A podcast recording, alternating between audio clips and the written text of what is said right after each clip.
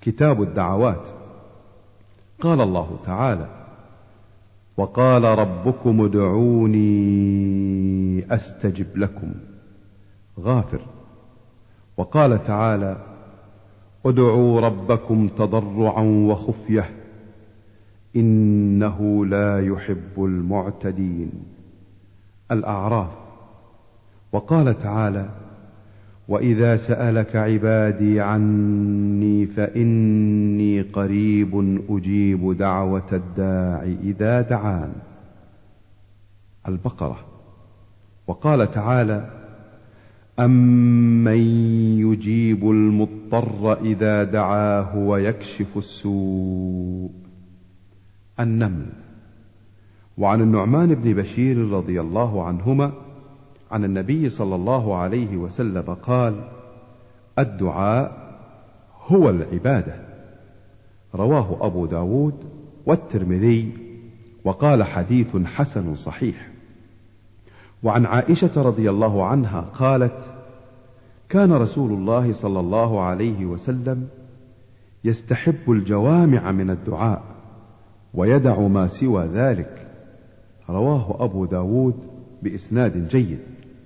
وعن أنس رضي الله عنه قال كان أكثر دعاء النبي صلى الله عليه وسلم اللهم آتنا في الدنيا حسنة وفي الآخرة حسنة وقنا عذاب النار. متفق عليه. زاد مسلم في روايته قال وكان أنس إذا أراد أن يدعو بدعوة دعا بها فإذا أراد أن يدعو بدعاء دعا بها فيه. وعن ابن مسعود رضي الله عنه أن النبي صلى الله عليه وسلم كان يقول اللهم إني أسألك الهدى والتقى والعفاف والغنى. رواه مسلم. وعن طارق بن أشيم رضي الله عنه قال كان الرجل إذا أسلم علمه النبي صلى الله عليه وسلم الصلاة ثم أمره أن يدعو بهؤلاء الكلمات. اللهم اغفر لي وارحمني واهدني وعافني وارزقني. رواه مسلم. وفي رواية له عن طارق أنه سمع النبي صلى الله عليه وسلم وأتاه رجل فقال يا رسول الله كيف أقول حين أسأل ربي؟ قال قل اللهم اغفر لي وارحمني وعافني وارزقني فإن هؤلاء تجمع لك دنياك وآخرتك. وعن عبد الله بن عمرو بن العاص رضي الله عنهما قال قال رسول الله صلى الله عليه وسلم اللهم مصرف القلوب صرف قلوبنا على طاعتك. رواه مسلم. وعن أبي هريرة رضي الله عنه عن النبي صلى الله عليه وسلم قال تعوذوا بالله من جهد البلاء ودرك الشقاء وسوء القضاء وشماتة الأعداء. متفق عليه. وفي رواية قال سفيان أشك أني زدت واحدة منها. وعنه قال كان رسول الله صلى الله عليه وسلم يقول اللهم أصلح لي ديني الذي هو عصمة أمري. وأصلح لي دنياي التي فيها معاشي وأصلح لي آخرتي التي فيها معادي واجعل الحياة زيادة لي في كل خير واجعل الموت راحة لي من كل شر. رواه مسلم. وعن علي رضي الله عنه قال قال لي رسول الله صلى الله عليه وسلم قل اللهم اهدني وسددني. وفي رواية اللهم إني أسألك الهدى والسداد. رواه مسلم. وعن أنس رضي الله عنه قال كان رسول الله صلى الله عليه وسلم يقول اللهم إني أعوذ بك من العجز والكسل والجبن والهرم والبخل وأعوذ بك من عذاب القبر وأعوذ بك من فتنة المحيا والممات. وفي رواية وضلع الدين وغلبه الرجال. رواه مسلم. وضلع الدين أي ثقل الدين وشدته. وغلبة الرجال أي أعوذ بك من أن أكون ظالما أو مظلوما. وعن أبي بكر الصديق رضي الله عنه أنه قال لرسول الله صلى الله عليه وسلم علمني دعاء أدعو به في صلاتي. قال قل اللهم إني ظلمت نفسي ظلما كثيرا ولا يغفر الذنوب إلا أنت فاغفر لي مغفرة من عندك وارحمني إنك أنت الغفور الرحيم. متفق عليه. وفي رواية وفي بيتي. وروي ظلما كثيرا. وروي كبيرا. فينبغي أن يجمع بينهما فيقال كثيرا كبيرا. وعن أبي موسى رضي الله عنه عن النبي صلى الله عليه وسلم أنه كان يدعو بهذا الدعاء اللهم اغفر لي خطيئتي وجهلي وإسرافي في أمري وما أنت أعلم به مني. اللهم اغفر لي جدي وهزلي وخطئي وعمدي. وكل ذلك عندي. اللهم اغفر لي ما قدمت وما أخرت وما أسررت وما أعلنت وما أنت أعلم به مني. أنت المقدم وأنت المؤخر وأنت على كل شيء قدير. متفق عليه. وعن عائشة رضي الله عنها أن النبي صلى الله عليه وسلم كان يقول في دعائه اللهم إني أعوذ بك من شر ما عملت ومن شر ما لم أعمل. رواه مسلم. وعن ابن عمر رضي الله عنهما قال كان من دعاء رسول الله صلى الله عليه وسلم اللهم إني أعوذ بك من زوال نعمتك وتحول عافيتك وفجاءة نقمتك وجميع سخطك. رواه مسلم. وعن زيد بن أرقم رضي الله عنه قال كان رسول الله صلى الله عليه وسلم يقول اللهم إني أعوذ بك من العجز والكسل والبخل والهرم وعذاب القبر. اللهم آت نفسي تقواها وزكها أنت خير من زكاها أنت وليها ومولاها. اللهم إني أعوذ بك من علم لا ينفع ومن قلب لا يخشع ومن نفس لا تشبع. ومن دعوة لا يستجاب لها. رواه مسلم. وعن ابن عباس رضي الله عنهما أن رسول الله صلى الله عليه وسلم كان يقول اللهم لك أسلمت وبك آمنت وعليك توكلت وإليك أنبت وبك خاصمت وإليك حاكمت فاغفر لي ما قدمت وما أخرت وما أسررت وما أعلنت أنت المقدم وأنت المؤخر. لا إله إلا أنت. زاد بعض الرواة ولا حول ولا قوة إلا بالله. متفق عليه. وعن عائشة رضي الله عنها أن النبي صلى الله عليه وسلم كان يدعو بهؤلاء الكلمات. اللهم إني أعوذ بك من فتنة النار وعذاب النار ومن شر الغنى والفقر. رواه أبو داود والترمذي وقال حديث حسن صحيح وهذا لفظ أبي داود. وعن زياد ابن علاقة عن عمه وهو قطبة ابن مالك رضي الله عنه قال كان النبي صلى الله عليه وسلم يقول اللهم إني أعوذ بك من منكرات الأخلاق والأعمال والأهواء. رواه الترمذي وقال حديث حسن. وعن شكل بن حميد رضي الله عنه قال قلت يا رسول الله علمني دعاء قال قل. اللهم إني أعوذ بك من شر سمعي ومن شر بصري ومن شر لساني ومن شر قلبي ومن شر مني رواه أبو داود والترمذي. وقال حديث حسن ومن شر مني أي فرجي وعن أنس رضي الله عنه أن النبي صلى الله عليه وسلم كان يقول اللهم إني أعوذ بك من البرص والجنون والجذام وسيء الأسقام. رواه أبو داود بإسناد صحيح.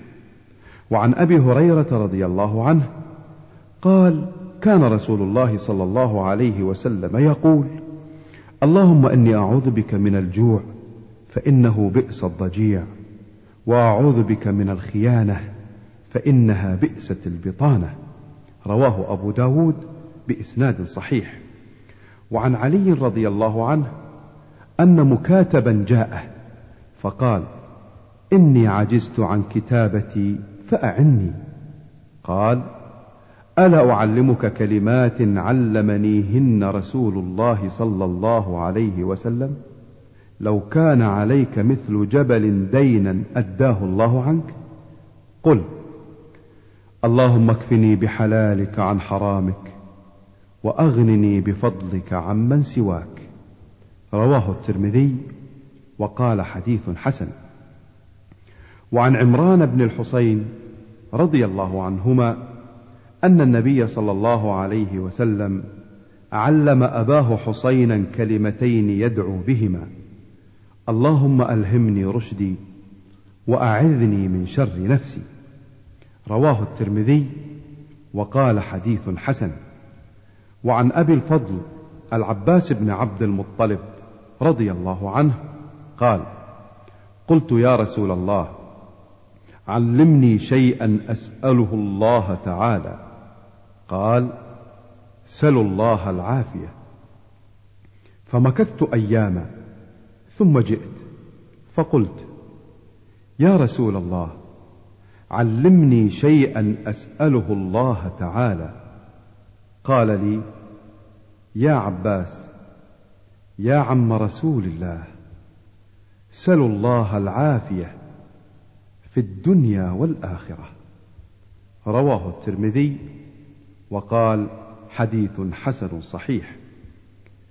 وعن شهر بن حوشب قال قلت لأم سلمة رضي الله عنها يا أم المؤمنين ما كان أكثر دعاء رسول الله صلى الله عليه وسلم إذا كان عندك؟ قالت كان أكثر دعائه يا مقلب القلوب ثبت قلبي على دينك. رواه الترمذي وقال حديث حسن.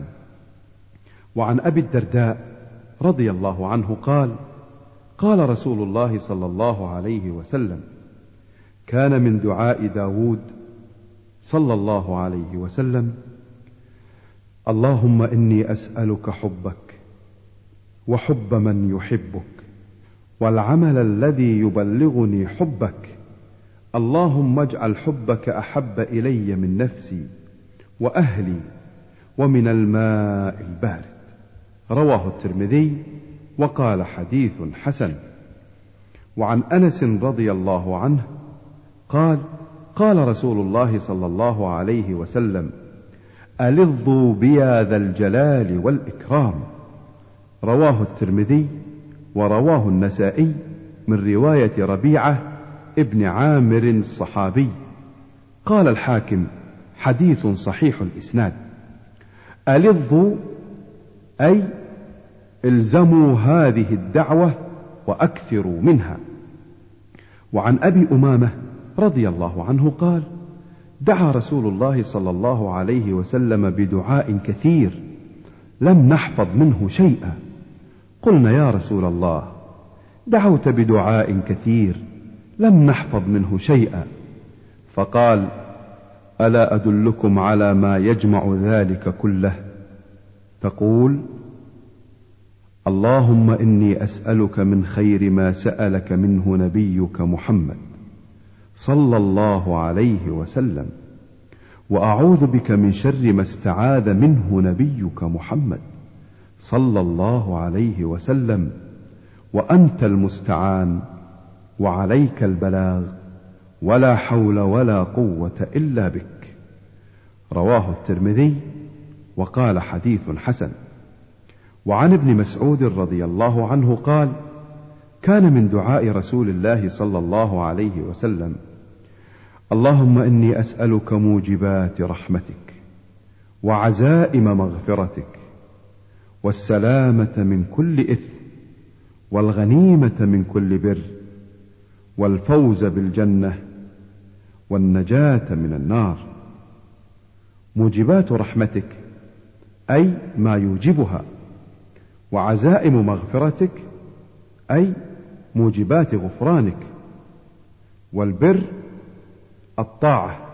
رواه الحاكم أبو عبد الله وقال حديث صحيح على شرط مسلم. باب فضل الدعاء بظهر الغيب. قال الله تعالى والذين جاءوا من بعدهم يقولون ربنا اغفر لنا ولإخواننا الذين سبقونا بالإيمان. الحشر.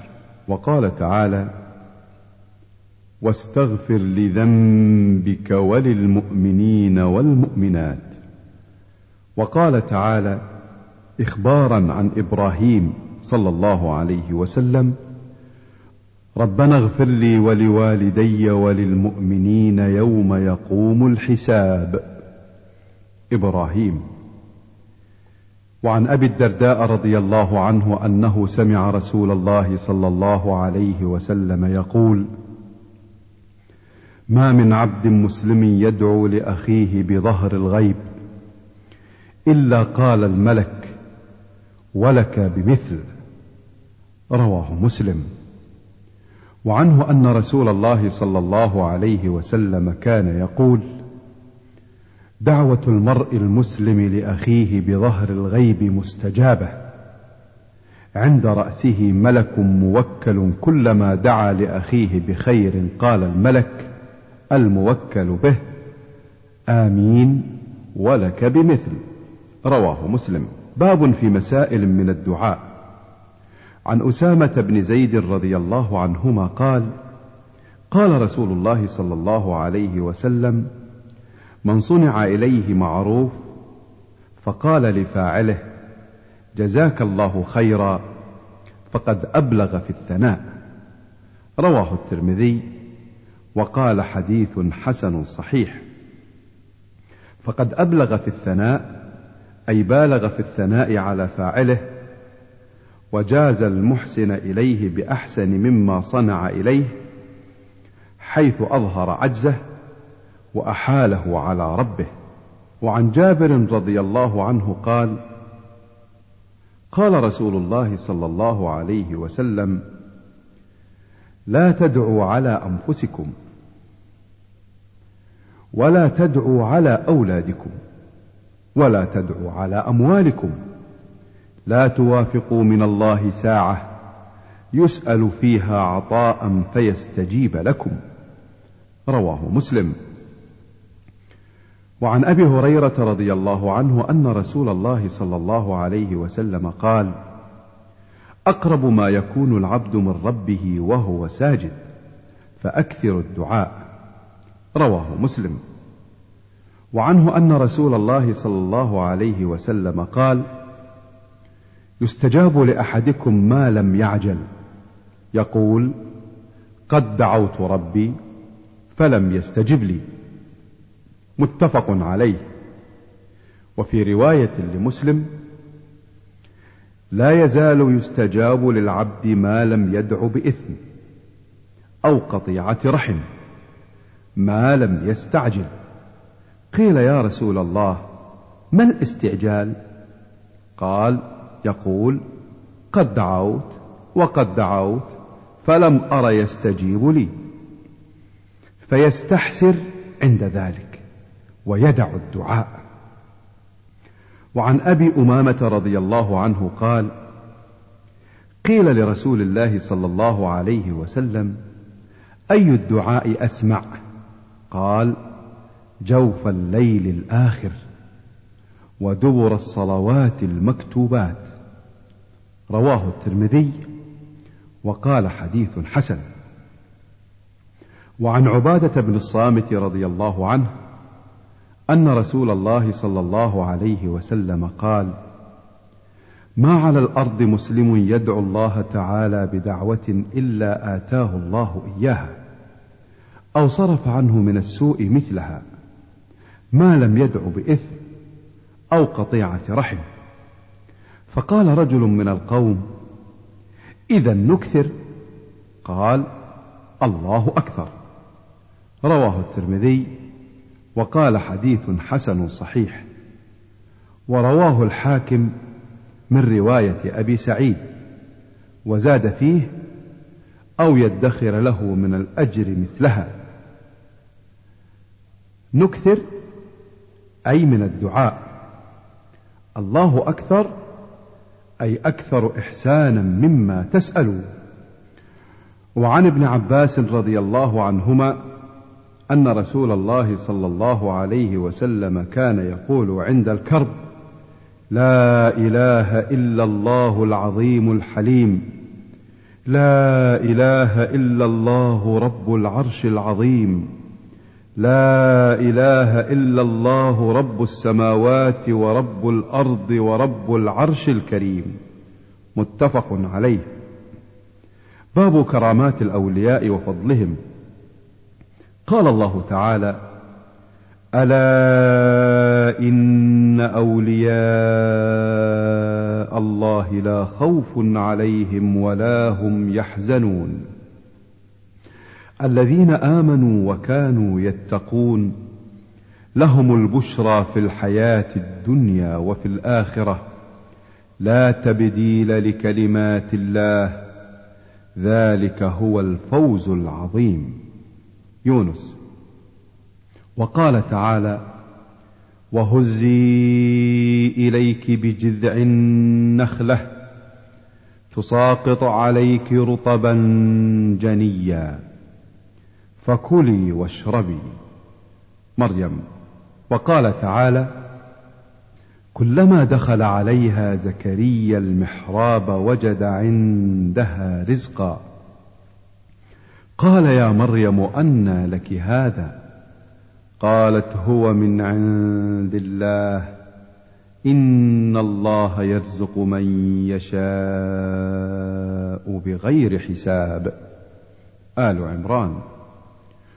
وقال تعالى واذ اعتزلتموهم وما يعبدون الا الله فاووا إلى الكهف ينشر لكم ربكم من رحمته ويهيئ لكم من امركم مرفقا وترى الشمس اذا طلعت تزاور عن كهفهم ذات اليمين وإذا غربت تقرضهم ذات الشمال.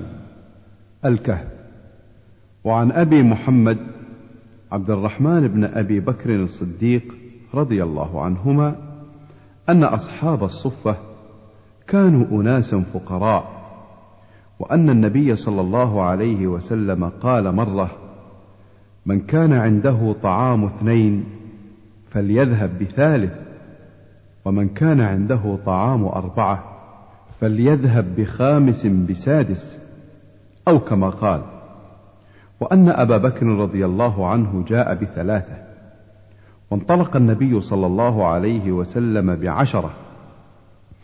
وأن أبا بكر تعشى عند النبي صلى الله عليه وسلم ثم لبث حتى صلى العشاء ثم رجع. فجاء بعدما مضى من الليل ما شاء الله قالت له امرأته ما حبسك عن أضيافك؟ قال أو ما عشيتيهم؟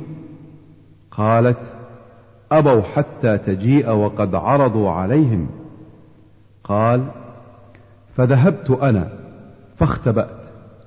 فقال يا غنثر فجدع وسب. وقال كلوا لا هنيئا. والله لا أطعمه أبدا.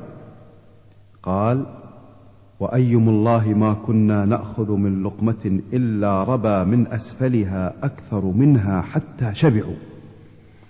وصارت أكثر مما كانت قبل ذلك. فنظر إليها أبو بكر فقال لامرأته يا أخت بني فراس ما هذا؟ قالت لا وقرة عيني لهي الآن أكثر منها قبل ذلك بثلاث مرات فأكل منها أبو بكر وقال إنما كان ذلك من الشيطان يعني يمينه. ثم أكل منها لقمة ثم حملها إلى النبي صلى الله عليه وسلم فأصبحت عنده.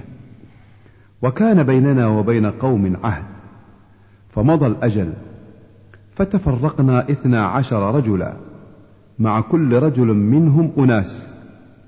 الله أعلم كم مع كل رجل فأكلوا منها أجمعون. وفي رواية فحلف أبو بكر لا يطعمه فحلفت المرأة لا تطعمه فحلف الضيف أو الأضياف أن لا يطعمه أو يطعموه حتى يطعمه. فقال أبو بكر هذه من الشيطان. فدعا بالطعام فأكل وأكلوا فجعلوا لا يرفعون لقمة إلا ربت من أسفلها أكثر منها. فقال يا أخت بني فراس ما هذا؟ فقالت وقرة عيني إنها الآن لأكثر منها قبل أن نأكل. فأكلوا وبعث بها إلى النبي صلى الله عليه وسلم فذكر أنه أكل منها. وفي رواية إن أبا بكر قال لعبد الرحمن دونك أضيافك فإني منطلق إلى النبي صلى الله عليه وسلم فافرغ من قراهم قبل أن أجيء. فانطلق عبد الرحمن فأتاهم بما عنده فقال اطعموا فقالوا أين رب منزلنا؟ قال اطعموا. قالوا ما نحن بآكلين حتى يجيء رب منزلنا. قال اقبلوا عنا قراكم فإنه إن جاء ولم تطعموا لنلقين منه. فأبوا. فعرفت أنه يجد علي فلما جاء تنحيت عنه. فقال ما صنعتم؟ فأخبروه. فقال يا عبد الرحمن. فسكت. ثم قال يا عبد الرحمن. فسكت. فقال يا غثر أقسمت عليك إن كنت تسمع صوتي لما جئت. فخرجت. فقلت سل أضيافك. فقالوا صدق. أتانا به. فقال إنما انتظرتموني والله لا أطعمه الليلة. فقال الآخرون والله لا نطعمه حتى تطعمه. فقال ويلكم ما لكم؟ لا تقبلون عنا قراكم. هات طعامك.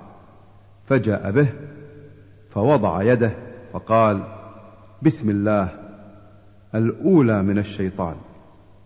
فأكل وأكلوا. متفق عليه. قوله يا أخت بني فراس أي يا أخت القوم المنتسبين إلى بني فراس؟ قرة العين سرورها. لنلقين منه أي شيئا عظيما بسبب غضبه. قوله غنثر معناه الغني الجاهل. قوله فجدع أي شتمه والجدع القطع.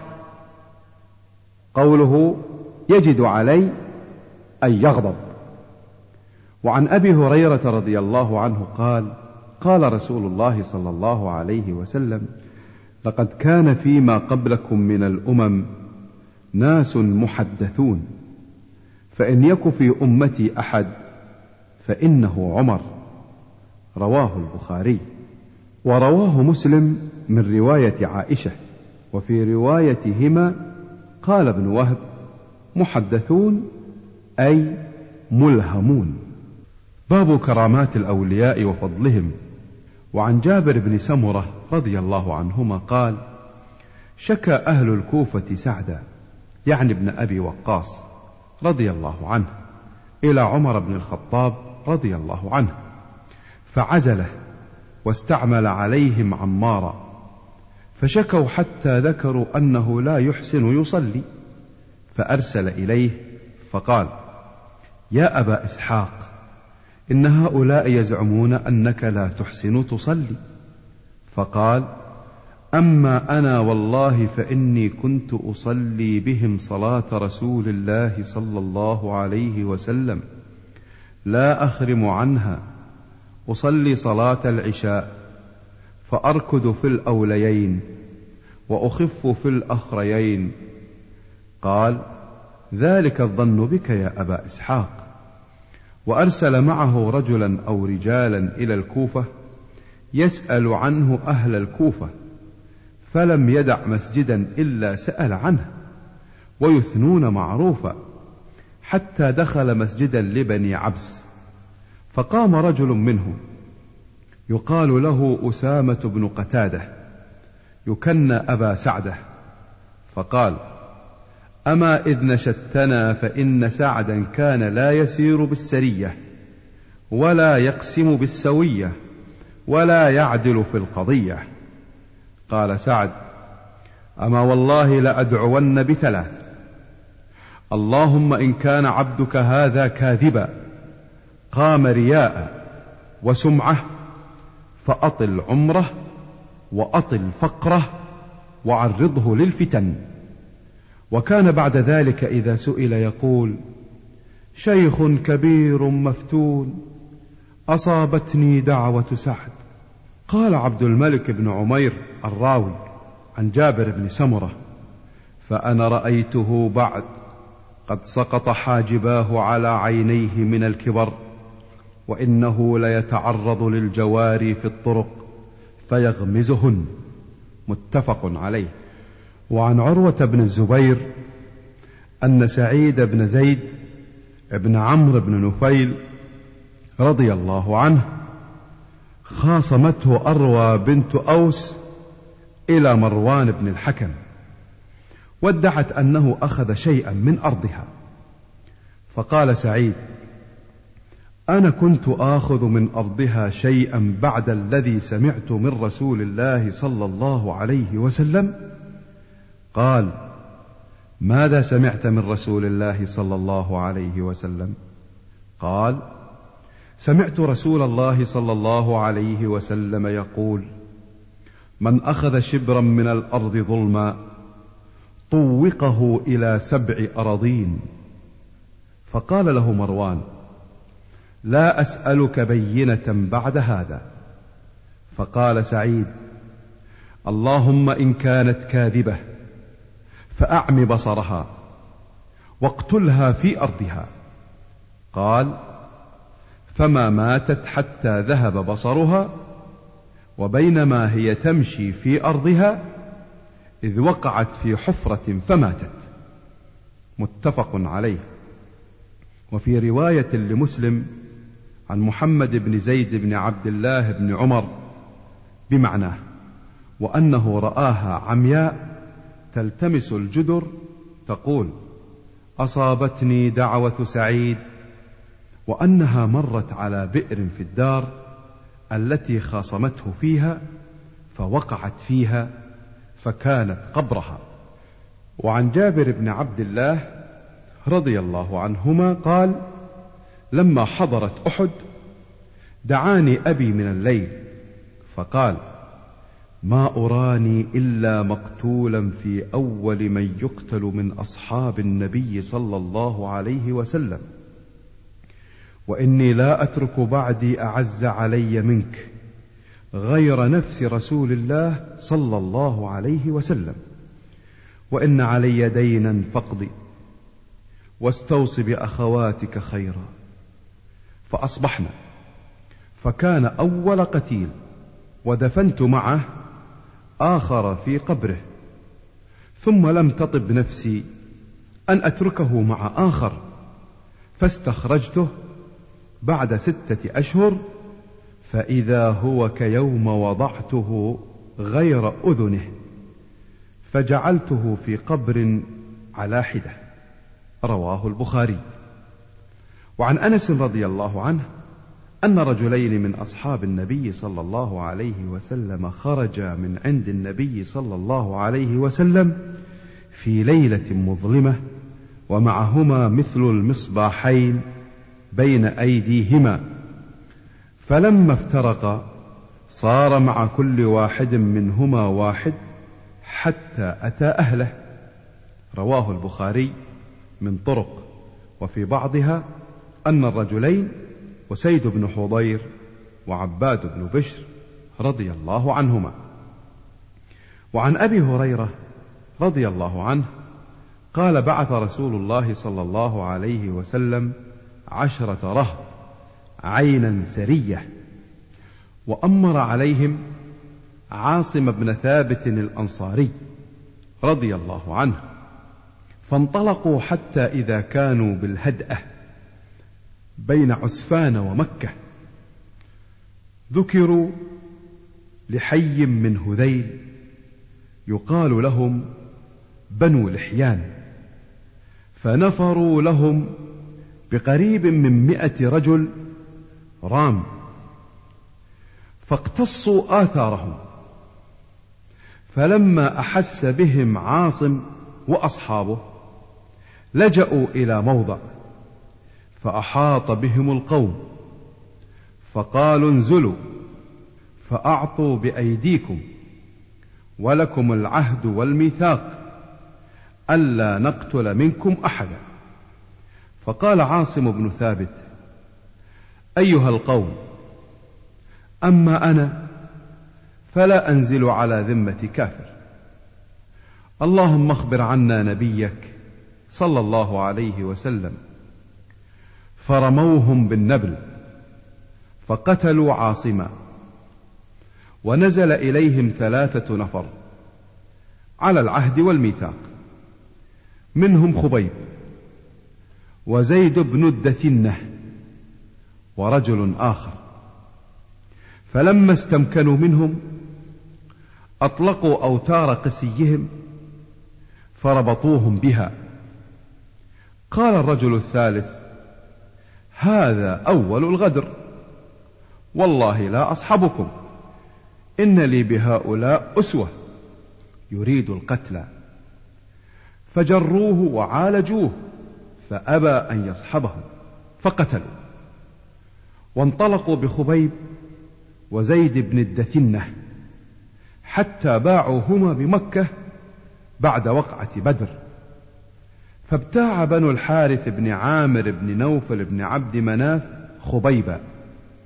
وكان خبيب هو قتل الحارث يوم بدر. فلبث خبيب عندهم أسيرا حتى أجمعوا على قتله. فاستعار من بعض بنات الحارث موسى يستحد بها فأعارته. فدرج بني لها وهي غافلة حتى أتاه. فوجدت مجلسه على فخذه والموسى بيده ففزعت فزعة عرفها خبيب فقال أتخشين أن أقتله؟ ما كنت لأفعل ذلك. قالت والله ما رأيت اسيرا خيرا من خبيب. فوالله لقد وجدته يوما يأكل قطفا من عنب في يده وإنه لموثق بالحديد. وما بمكة من ثمرة. وكانت تقول إنه لرزق رزقه الله خبيبا. فلما خرجوا به من الحرم ليقتلوه في الحل قال لهم خبيب دعوني أصلي ركعتين. فتركوه. فركع ركعتين. فقال والله لولا أن تحسبوا أن ما بي جزع لزدت. اللهم احصهم عددا واقتلهم بددا ولا تبق منهم أحدا. وقال فلست أبالي حين أقتل مسلما على أي جنب كان لله مصرعي. وذلك في ذات الإله وإن يشأ. يبارك على أوصال شلو ممزع. أوصال جمع وصل وهو العضو. والشلو الجسد. وممزع مقطع. والمعنى أعضاء جسد مقطع. وكان خبيب هو سن لكل مسلم قتل صبرا الصلاة. وأخبر يعني النبي صلى الله عليه وسلم أصحابه يوم أصيبوا خبرهم. وبعث ناس من قريش إلى عاصم بن ثابت حين حدثوا أنه قتل أن يؤتوا بشيء منه يعرف. وكان قتل رجلا من عظمائهم. فبعث الله لعاصم مثل الظلة من الدبر فحمته من رسلهم فلم يقدروا أن يقطعوا منه شيئا. رواه البخاري. قتل صبر صبر كل ذي روح يوثق حتى يقتل فقد قتل صبرا قوله الهدأة موضع والظلة السحاب. والدبر النحل. وقوله اقتلهم بددا معناه اقتلهم حصصا منقسمة لكل واحد منهم نصيب أو متفرقين في القتل واحدا بعد واحد من التبديد. وفي الباب أحاديث كثيرة صحيحة سبقت في مواضعها من هذا الكتاب منها حديث الغلام الذي كان يأتي الراهب والساحر. ومنها حديث جريج وحديث أصحاب الغار الذين أطبقت عليهم الصخرة وحديث الرجل الذي سمع صوتا في السحاب يقول اسق حديقة فلان وغير ذلك والدلائل في الباب كثيرة مشهورة وبالله التوفيق. وعن ابن عمر رضي الله عنهما قال ما سمعت عمر رضي الله عنه يقول لشيء قط إني لأظنه كذا إلا كان كما يظن. رواه البخاري.